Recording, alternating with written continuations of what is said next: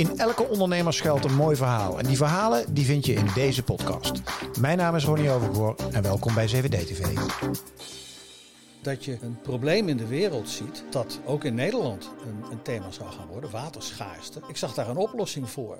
Hij had een glansrijke televisiecarrière achter de rug en uh, was niet meer van plan om een nieuw bedrijf te beginnen. Hij werd zelfs omroepman uh, van het jaar, maar toen liep hij tegen een oplossing van een wereldprobleem aan en nu is hij weer vol aan de bak. Arthur Valkiezer en hij is mijn gast. Welkom bij 7D TV. Arthur, van harte welkom. Uh, de Hydraloop, hè, daar gaat het allemaal om. Maar meteen beginnen met waar het om draait. Wat is de Hydraloop? De is een, een decentraal, dat wil zeggen in een gebouw, dat je je licht verontreinigde grijs water opvangt en dat reinigt en zuivert. En dan gebruik je dat water een tweede keer voor die toepassingen waar je geen drinkwater voor nodig hebt. Dus het, Wat best veel is. Ja, bijna dat is de helft. Ja, ja, en dat is ook ongeveer de besparing die je dan doet. Ja. En jij noemt het grijs water. Ja, ja uh, zwart water, dat weten we, dat is rioolwater. Ah, hè? Ja. En uh, grijs water is je licht verontreinigde afvalwater. Als je doucht, ja. dan krijg je zuiver water over je heen. En twee meter daaronder is het grijs water. Ja, dat noem je grijs water. Ja, en maar dat is relatief eenvoudig te zuiveren. En dat kun je dus dan in je huis doen. Of in een gebouw doen. Um, dat, dat idee is zeg maar gaandeweg uh, ontstaan. Neem ons eens helemaal mee naar het begin. Want ik, ik zei net in mijn introductie al, je, je, was soort van niet meer aan het werk, toch? Of tenminste, jij was wel heel veel dingen aan het doen. Maar je had een volledige carrière achter de rug, hè? Ja, ik heb, een, uh, ik heb 30 jaar in de media gewerkt. Begonnen als uh, algemeen assistent, en, geluidsman, cameraman. Ook nog wel een paar jaar filmacademie gedaan. Ja uh, marine filmdienst. En van daaruit uh, als freelance filmer gaan werken toen ik 23 was. En toen de stap naar video gemaakt. Nou ja, postproductie erbij, digitaal, computeranimatie. Uh, ja. En een leading televisiebedrijf in Nederland. Je zegt het vrij bescheiden, maar wat nu United is, dat is, dat is eigenlijk door jou opgericht, toch? Ja, ja precies. Ja. ja. Mede, ja. Daar je hele leven zo'n beetje, tenminste, je, de, de, niet je hele leven, want het is nog in volle gang. Maar daarna, wat ben je daarna gaan doen? Toen je, want je hebt het bedrijf verkocht, hè? Ik heb het bedrijf verkocht in 2002. Um, ehm, en toen, ja, toen ben ik eigenlijk al die dingen gaan doen die je gaat doen als je je bedrijf verkocht hebt. Hè? Ja. En, uh, uh, Neem ons eens mee wat je dan allemaal doet als je je bedrijf verkocht hebt. Ja, ik, ik, nou ja, ik, ik heb altijd een droom gehad om te leren vliegen, bijvoorbeeld. Hè? En ja, daar heb je gewoon tijd voor nodig. Ja. Uh, dus daar, daar ben ik mee begonnen. Dus ja, ik heb nu een commercieel vliegbuffet, uh, oh, ja? instrument rated en, en alles. Maar mag je dan ook in zo'n Boeing of zo vliegen? Of alleen maar in de andere... Nou, voor die vliegtuigen boven 1200 pond heb je een type rating voor nodig. Maar als je die type rating haalt, dus ongeveer een week, ja, dan zou je in een Boeing kunnen vliegen. Hè. Ik, ik, heb natuurlijk geen reden om dat te doen. Nee, nee, nee. Technisch gezien, ja. ja. En, en maar vlieg je veel ook zelf dan? Ja, ja. Maar heb je ook een vliegtuig? Ja. Ja, serieus? Ja, Wat, wat voor vliegtuig? Piper Meridian. Oh, ja, het zegt mij helemaal ja, niks. Dat is een, uh, dat is een, uh, een, een, een, een, klein vliegtuig, maar wel met een uh, turbinemotor en een, en een drukcabine, zodat je op 8, 9 kilometer hoogte vliegt. En dan, het is een soort Porsche. Ja, je kunt er met z'n vieren, met z'n vijven in. En dan ga je heel hard met 500 km per uur op 8 kilometer hoogte. Naar Frankrijk. Precies. Ja, dus dat zijn dan van die dingen die je dan doet. Maar wat ik ook heel veel hoor van ondernemers is dan dat dan verkopen ze een bedrijf.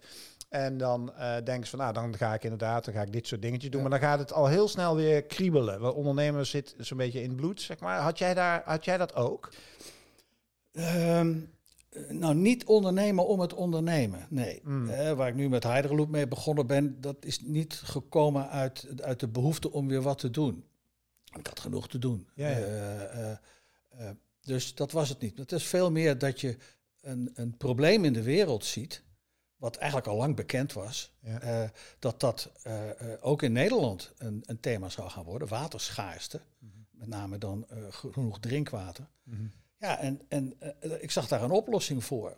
En ik Want was je daar al mee bezig met die problematiek? Ik was daarmee bezig omdat een vriend van mij had ook iets dergelijks ontwikkeld. Hmm. En die heb ik een tijdje samen met een aantal andere mensen, eh, die nu ook bij Heidelloop zitten trouwens, uh, uh, hebben we daaraan gewerkt. En dat, dat systeem werkte eigenlijk niet goed genoeg. En dat is toen ook gestopt. Toen heeft het een tijdje in de koelkast gelegen. En toen in 2015, toen dacht ik, ja, waarom doet niemand dat nou? Hè? Waarom is er nou niemand die, die, die de oplossing die zo eenvoudig is, dat is hè, een, een stroomopwaartse interventie.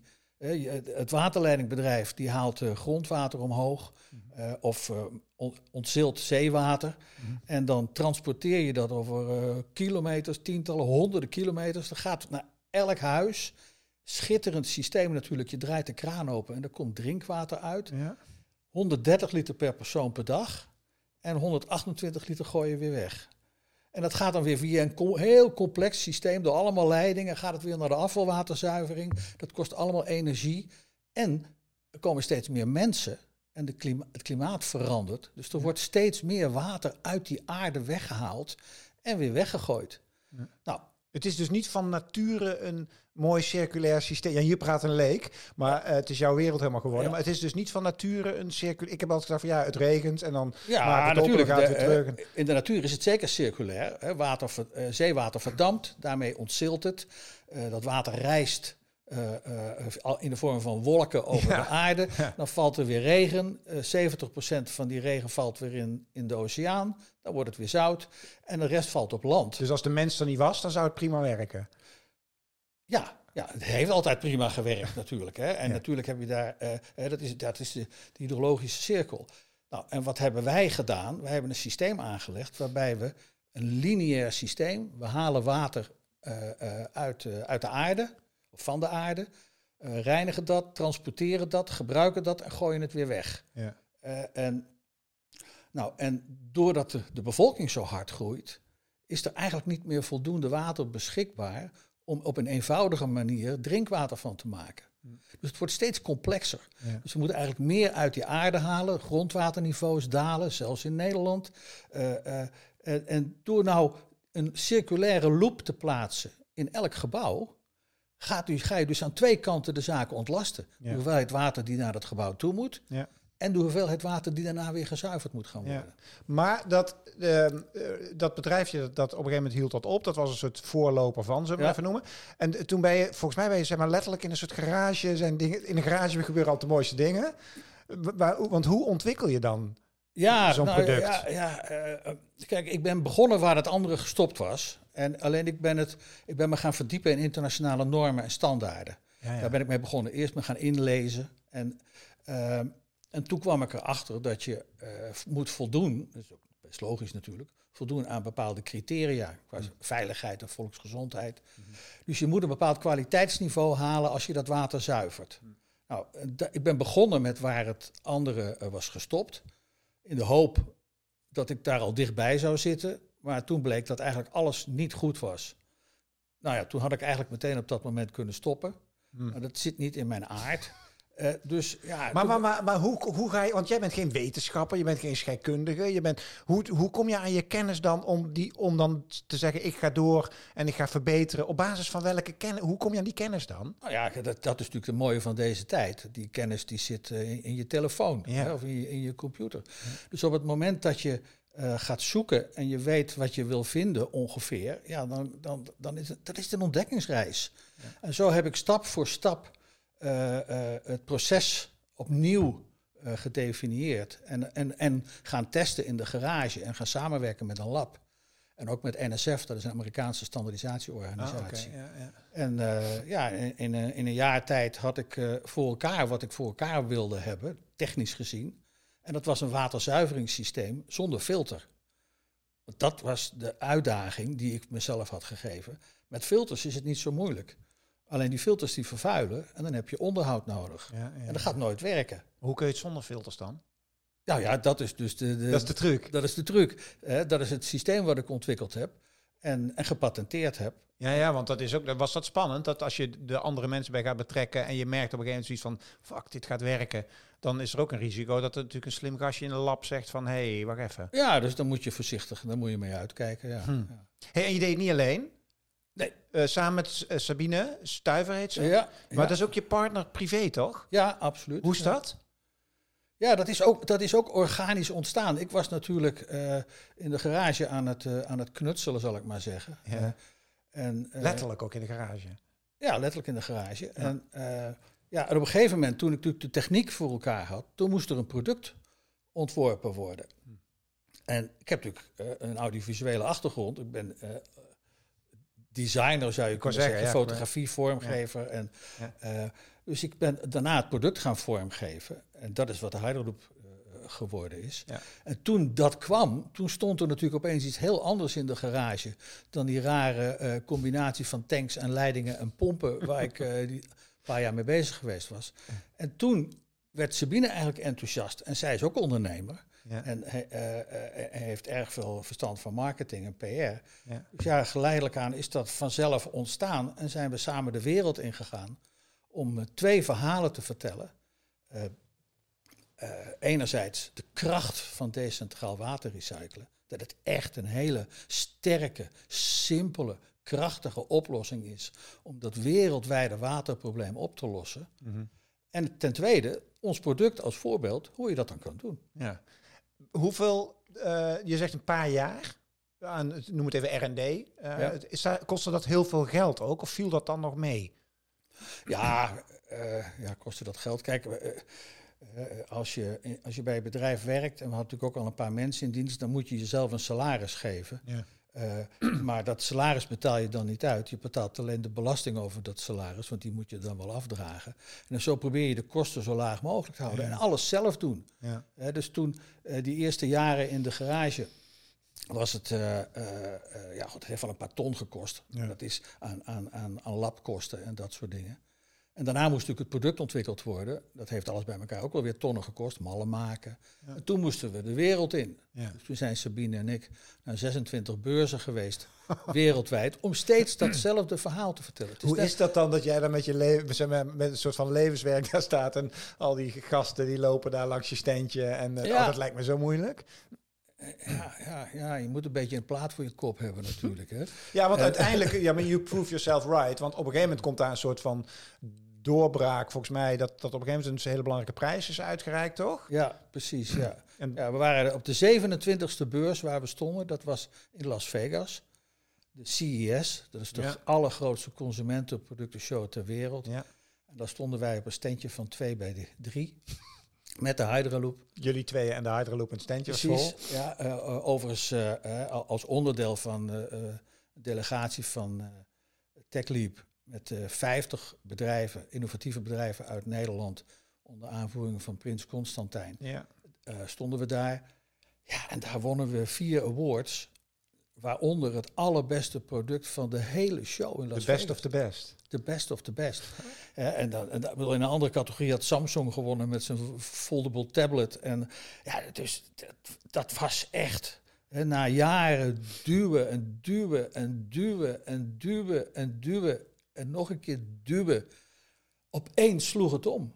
En de, de e-mailbox explodeerde. Uh, we waren op televisie, in NOS-journaal om acht uur, uh, bij De Wereld Draait Door. Maar ook in Sydney, uh, ook in Johannesburg, alle kranten. Dus in één keer ja, kwam het los van push naar pull. Dat, dat gebeurde. En, en even voor duidelijkheid, dat, de Hydraloop 1.0 noem ik het maar even dan op dat moment. Was die echt al foolproof en klaar? Ja, die draaide al. Die draaide al. installeerde al. Maar dan krijg je ook orders waarschijnlijk. Precies. En dan? Dan kom je in een andere fase terecht. Ja, nou ja, dan, we, we leverden al, we, we bouwden al en, uh, in, in een fabriek. Ja. In, uh, in, staat nu in Emmen. Uh, natuurlijk, dan krijg je meerdere. Ja, kijk, je wordt opeens een, een, een mini-multinational. Ja. je, we hebben het ook, alles wat je eigenlijk geleerd wordt om niet te doen, dat zijn wij gaan doen. Je gaat natuurlijk niet, nou ja, normaal gesproken moet je heel veel moeite doen om wereldwijd bekendheid te krijgen.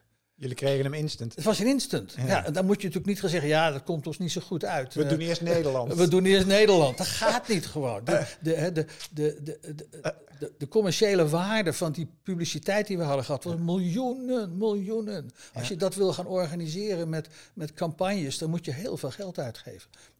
Dus ja, dus we zijn inderdaad begonnen uh, om internationaal te gaan leveren. Natuurlijk niet in elk land, maar in die landen waar de omstandigheden zodanig zijn dat er vraag is naar uh, Hydraloop. Mhm. En dat er ook mensen ook het budget hebben. Ja, ja want even voor duidelijkheid, wat kost een ding voor de consument? Als ik, stel dat ik hem morgen zou willen? 4000 euro. Oké, en zijn dat ook de, verkoop je echt zeg maar B2C of verkoop je ook aan, weet ik veel, woningcorporaties of aan, zeg maar, op grotere schaal? Want hoe ziet de verkoopstrategie eruit? Nou, dat, uh, we willen natuurlijk niet... Het, het mooiste voor ons is om te verkopen aan projectontwikkelaars, ja. op bouwbedrijven. en we hebben een partnernetwerk met zo'n ruim 130 partners wereldwijd. Ja die onze producten verkopen. En we hebben het hele helemaal zodanig ingericht dat we die mensen supporten bij het, uh, bij het plaatsen en het verkopen. Ja, ja dus je doet het via een partnernet. Ja, hè, en, en nou ja, toen we natuurlijk begonnen, ja, dan ga je eerst kijken, ja, welke landen, welke regio's zijn dan interessant. Maar eigenlijk doe je dat zonder dat je daar nou zo heel veel verstand van hebt. Hè. Dus dan ga je denken, ja, Midden-Oosten, dat is weinig regen. En, Australië, Zuid-Afrika, Denemarken, daar is water heel duur. En eh, zo, zo, kijk je naar die markt. Dus we hebben de, het verdeeld in A, B en C landen. En zo zijn we begonnen. Nou ja, en dan gebeuren hele interessante dingen. Nieuw-Zeeland, dat was bij ons een Zeeland. Maar daar is heel veel interesse. En daar hebben we een, een hele actieve partner. Die heeft een hele roadshow door heel Nieuw-Zeeland gedaan. En er zijn, de opleiding voor loodgieters is aangepast. Daar staan we nu in. De, de, eh, dus je, moet dus, uh, uh, dat, dat, omdat we natuurlijk een klein bedrijf zijn, we hebben nu 50 mensen, je, moet, je moet je kunnen aanpassen aan de kansen ja. zijn. Dat Opportunistisch is, zijn eigenlijk in de goede zin van het woord. Ja, ja. ja, Maar een ander voorbeeld is Australië. Dan, ik, ik heb natuurlijk uh, veel verstand van die standaarden die er over de hele wereld zijn. Ik zit zelf ook in de Europese standaardisatiecommissie. Schrijf mee aan, aan Europese standaarden en dus ook Nederlandse standaarden. Mhm. Eigenlijk hadden we gezegd, ja, Australië gaan we niet naartoe, want er is daar een standaard en die is niet geschikt voor ons product. Maar Sydney Water wil heel graag onze producten daar verkopen. Dus nu zijn we bezig samen met Sydney Water om een nieuwe standaard te schrijven in Australië die wel geschikt is voor ons product. Nou, en zo heeft elke regio heeft zo zijn, zijn eigen eigenschappen en zijn aandacht nodig. En wij moeten zorgen dat we daar wel mee bezig zijn, maar ook niet alles tegelijk. En dat je dat rustig, dat je in, in, al die kansen die er zijn, en ook bedreigingen, dat je daar toch uiteindelijk je eigen pad in vindt om te komen bij dat einddoel waar je naartoe gaat. En wat is dat einddoel? Het einddoel is dus dat er geen huis en geen gebouw meer gebouwd wordt, waar dan ook ter wereld, waar niet een waterrecyclingsysteem waar is. precies als systeem. En ik kan me inderdaad voorstellen... En dan willen we natuurlijk wel een stuk van de markt hebben. Ja, precies, snap ik. Nee, want ik kan me voorstellen dat als, als ik het nu uh, als ik dan nu hoor inderdaad 4000 euro en ik woon hier prima en ik moet zo'n, als extra zo'n ding hier inbouwen en ik weet, ik weet, ik, weet, ik moet je eerst zeggen niet eens weet wat ik water betalen, volgens mij is niet zoveel, dan, laat zeggen, dan duurt het best wel lang voordat ik het een keer terug heb verdiend. Maar als het inderdaad wereldwijd een systeem wordt dat onderdeel is van een gebouw en dat gewoon resulteert in, want dan heb je het over schaal uh, en over waterbesparing, uh, dan wordt het een heel andere business case volgens mij. Toch? Ja, ja hè, hè, Kijk, het is niet alleen dat je water bespaart. Hè. Je bespaart ook energie. Je reduceert je afvalwaterstroom. Je reduceert je CO2-uitstoot. Dus het past volledig in die transitie die we als samenleving op alle niveaus moeten maken. Ja. We moeten van het hele lineaire denken. Klopt. En, nou, en dan heb je natuurlijk, in Nederland is water nu nog goedkoop. Uh, in België is, uh, betaal je uh, tien keer zoveel voor water en afval. Maar ik heb het idee dat, wij, dat de consument in het algemeen even... dat die aan de ene kant een warm hart, zeg maar, de, de, de wereld een warm hart toedraagt... maar uiteindelijk naar zijn portemonnee kijkt, weet je? Dus het moment dat de zonnepanelen vrij snel, zeg maar, terugverdiend worden... dan zetten we ze op het dak. dus volgens mij werkt dat mechanisme wel heel erg, toch? Ja, natuurlijk werkt dat zo. Hè. Je, je hebt natuurlijk de early adapters, die doen het uit principe, of omdat, ze zich daar, omdat ze er blij van worden. Uh, maar je hebt ook de omstandigheden. In mhm. Zuid-Frankrijk, Noord-Italië, in Spanje uh, is het water zo schaars dat alle natuurlijke bronnen die staan droog. Er wordt water met, water met vrachtwagens naar dorpen gereden, zodat ze nog water hebben. Daar, punt 1, gaat de prijs van water daar omhoog. Maar iedereen is opeens ook uh, voelt zich verantwoordelijk om een bijdrage te leveren om dat probleem op te lossen. Ja. Nou, als je daar natuurlijk je water twee keer gaat gebruiken, dan kun je vanuit dat verantwoordelijkheidsgevoel en het, feit dat dat water duurder wordt, mhm. kun je zelf, uh, zelf een bijdrage leveren en je kunt je leefcomfort handhaven. Ja, want je kan ook zeggen, ja, ik ga niet meer douchen. Of ik spoel het toilet niet. Ja, dat werkt ook. Hm. Maar ja, dat is wel een concessie die je moet doen. Ja. En, op, en nu, doordat je natuurlijk dat douchewater en dat wasmachinewater opvangt en hergebruikt, moet je niet korter douchen. Nee, je kunt genieten van je douche, van je badkamer. Met, met en een- tegelijkertijd water en energie geweten. besparen. Ja, precies. ja. Ja. Ja. Mm. Wat zijn de groeipijnen met name geweest? Omdat jij zeg maar na heel lang wat je hè, duwen, duwen, duwen, duwen, duwen en dan in één keer zo'n soort big bang. Eh, ik kan me ook voorstellen dat er toen wat, wat dingetjes zijn, of nou misschien wel omgevallen, maar wat zijn de groeipijnen geweest? Nou ja, we, zijn, er zijn heel veel pijntjes natuurlijk. Hè. Ehm, wat best zwaar was op het moment totdat we die doorbraak hadden, was het, was het best zwaar. Ja. 27 beurzen. Ja. En mensen vinden het wel leuk wat je doet, hè, maar je hebt eigenlijk geen, je hebt nog geen, geen power, zal ik het maar Nee. zeggen. Ja, en toen eh, was CES schitterend. En een maand daarna kwam corona. Oh ja. Dus toen, eh, eh, de financiers met wie we toen spraken, de investeerders, die, eh, ja, die trokken zich allemaal terug. Die waren allemaal bezig hun eigen eh, bedrijven waar ze al in zaten te redden. Of en of te kijken wat er gebeurt. Mhm. En nou ja, dus toen zijn we do- toch doorgegaan. En gelukkig hebben we toen een paar investeerders gevonden, waaronder ook de Rabobank trouwens. Mm. En ja, en daar, dus toen zijn we een team gaan opbouwen en gaan doorgaan. Dus dat corona was een hele lastige. Ja. We moesten ook mensen aannemen in Amerika ja. eh, via je scherm. Hè. Nou ja, dat eh, achteraf gezien hadden, is dat best, eh, eh, had dat beter kunnen gaan, laat ik het maar zo zeggen. Ja, hè. ja, ja. Maar inmiddels hebben we daar ook een heel sterk team. trouwens. En eh, dus dat was een zware tijd. Daarna weer vol gas. Hoeveel eh, zit, er zit, er zit miljoenen in inmiddels, denk ik, hè? Ja, ja, ja. En, en heb je nog een beetje zelf het heft in handen? Of heb je al heel, want zo gaat het natuurlijk, dat als er private als er investeringsgeld inkomt, dan kost dat wat. Heb je nog genoeg over?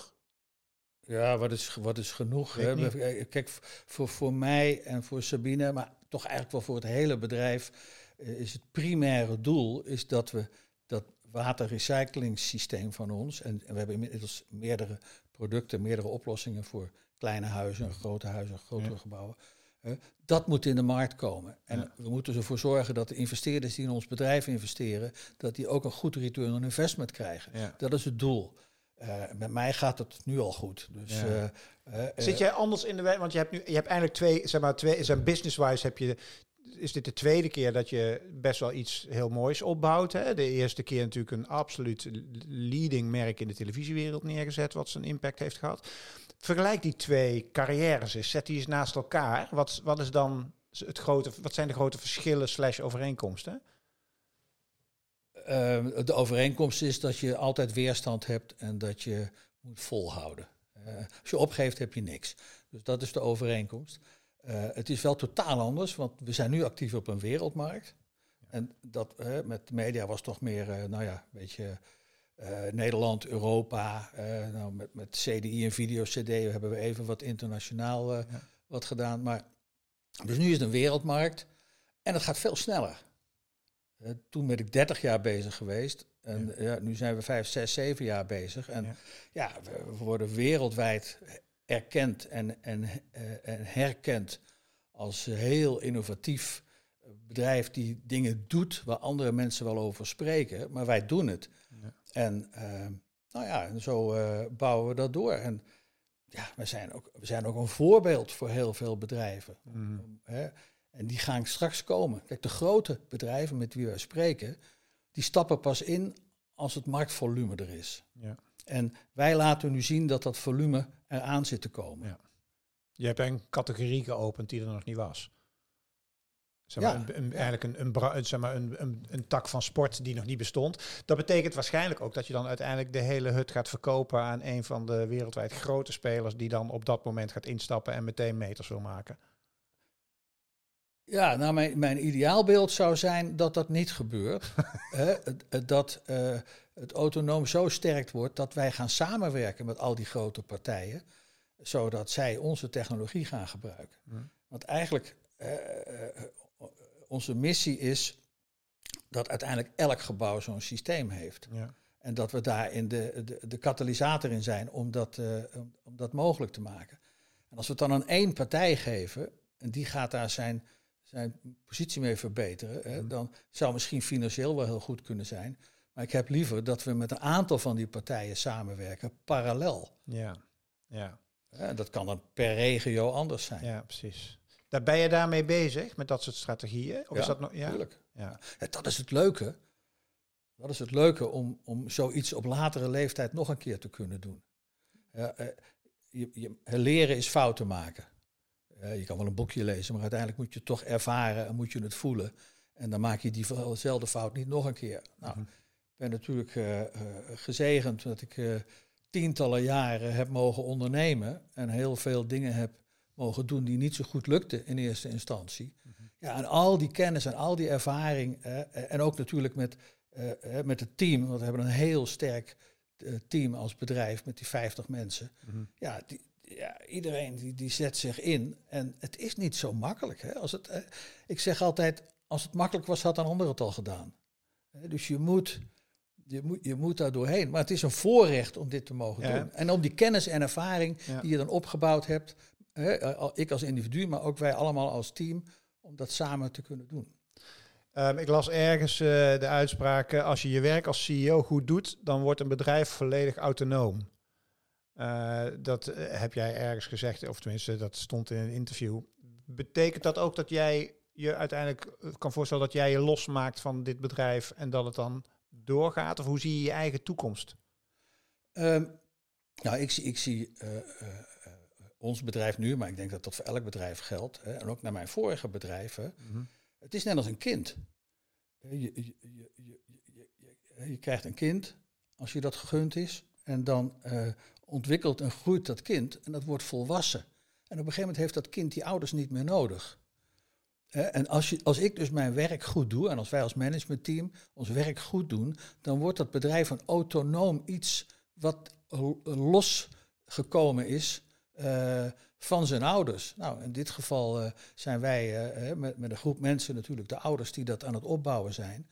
En als we dat goed doen, dan wordt dat onafhankelijk van ons. Hm. En ik moet natuurlijk ook naar mijn leeftijd kijken. Ik ga dit niet nog 40 jaar doen. Nee. Dan ben ik er niet meer. Ga niet. Niet. Dus ik moet dat ook, dat is ook onderdeel van het plannen en van het managen Ja. van dat bedrijf en van dat proces. Hoe helpt filosofie hierbij? Ja, enorm. Ja, enorm. Ik, eh, eh, ik ben, dat was een van de dingen toen ik natuurlijk mijn bedrijf verkocht in 2002. Ben ik, heb ik de tijd gehad om dingen te doen waar je anders geen tijd voor hebt. Dat was leren vliegen, was natuurlijk leuk. Zeilen was ook leuk.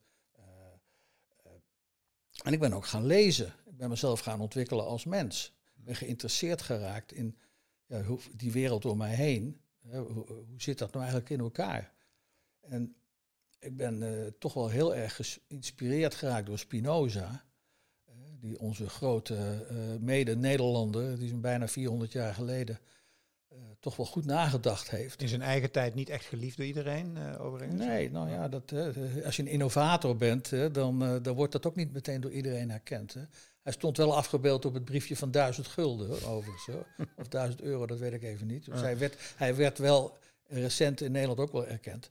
Maar dat heeft me heel erg geholpen om veel meer te zien om je heen en te ervaren hoe processen werken, hoe mensen werken, hoe ze handelen. Eh, ja, Hm. dat, eh, dat helpt ook. Ja.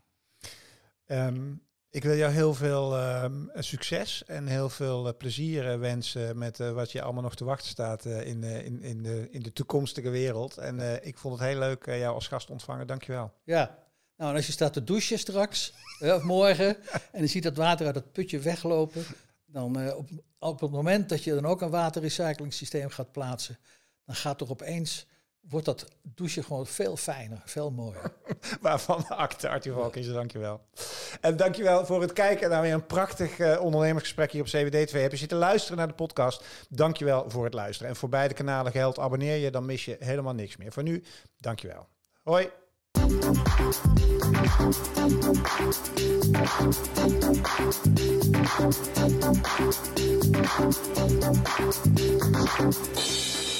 Thank